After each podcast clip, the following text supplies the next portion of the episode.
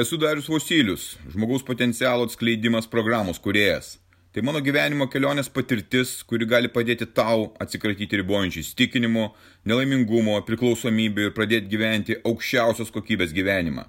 Registruokis pokalbiui dariusvosilius.lt ir pradėk šiandien savo pokyčius.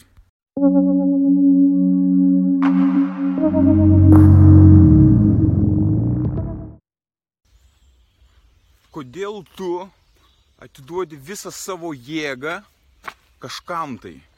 Kodėl tu ją atiduodi? Profesionalios aukos sindromas. Atvykau kuriam laikui į miestą, į Vilnių ir matau aplinkui visi bėga beprotybė, suskuba kažkur lekia, kažką daro. O kai pabandau juos pakalbinti žmonės, kuriuos sutinku, su kuriais tenka bendrauti, ir paklausiu, kaip jiems sekasi, ką jie daro, kokiu jie tikslų turi gyvenime, kokiu vizijų, kokį matymą, jie sako, ai, kad nežinau, kad nelabai suprantu, kaip čia kas yra, liktai ir nieko, nežinau, ar aš galiu kažką tai. Ir praktiškai kiekvienas, kiekvienas atidavęs savo jėgą ir nesugeba susikaupti ir atrasti tą galimybę, išnaudoti savo galimybės. Kas atsitikė, kad žmonės pradėjo daryti tik tai projektinius darbus, ypač kaimo vietovėse. Žmonės prarado savo pasitikėjimą, nes atidavė save projektams. Visur projektai, kurie yra susijęs su valstybe tokie edukaciniai projektai, ar kokią skerdyklą pasistatyti, ar kokią kavinę pasistatyti. Žmonės sako, aš laukiu, kada galbūt projektas ateis naujas, vėl kažką tai užpildysiu kažkokias formeles. Ir ištisai, ištisai laukime projektų, projektų ir nekuria jokios vertės. Turi atitikti kažkokius kriterijus ir tu prarandi savo galę, tu atiduodi savo norų kažkam tai, laukdamas kažko tai, nekurdamas savo vertę, kažką tai laukdamas. Lygiai taip pat, jauni žmonės, kuriuos kalbinu, jie nesupranta, kaip gyventi, ką daryti, kur eiti. Serga nerimų, depresija, nusivylimų, liūdėsiu ir nieko nedaro. Klausiu, ką tu darai su tuo, kad įspręsti tai. Ai, tai biški čia meditacijos gal, dar kažko tai. Ir padeda? Tai aišku, kad nepadeda. Ir akivaizdžiai, kad nepadeda. Visos jėgos atiduotos. Ir vietoj to tu sėdi, griūni prie teliko. Palsėti, nes labai pavargai, nes tave sekina viskas.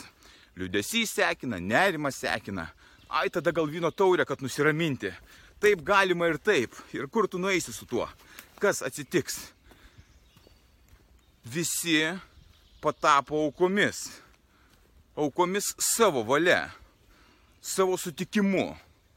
Niekas nenori keistis, niekas nenori nieko daryti, visi savo liudesyje paskendę.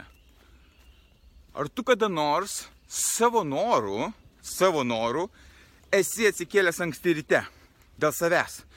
Ne dėl to, kad eiti į darbą, ne dėl to, kad užsidirbti pinigų ar į darželį vaikus nuvesti, o dėl to, kad su savim pabūti, kad įsiaiškinti, ką tu čia darai, kur eini ir kodėl eini.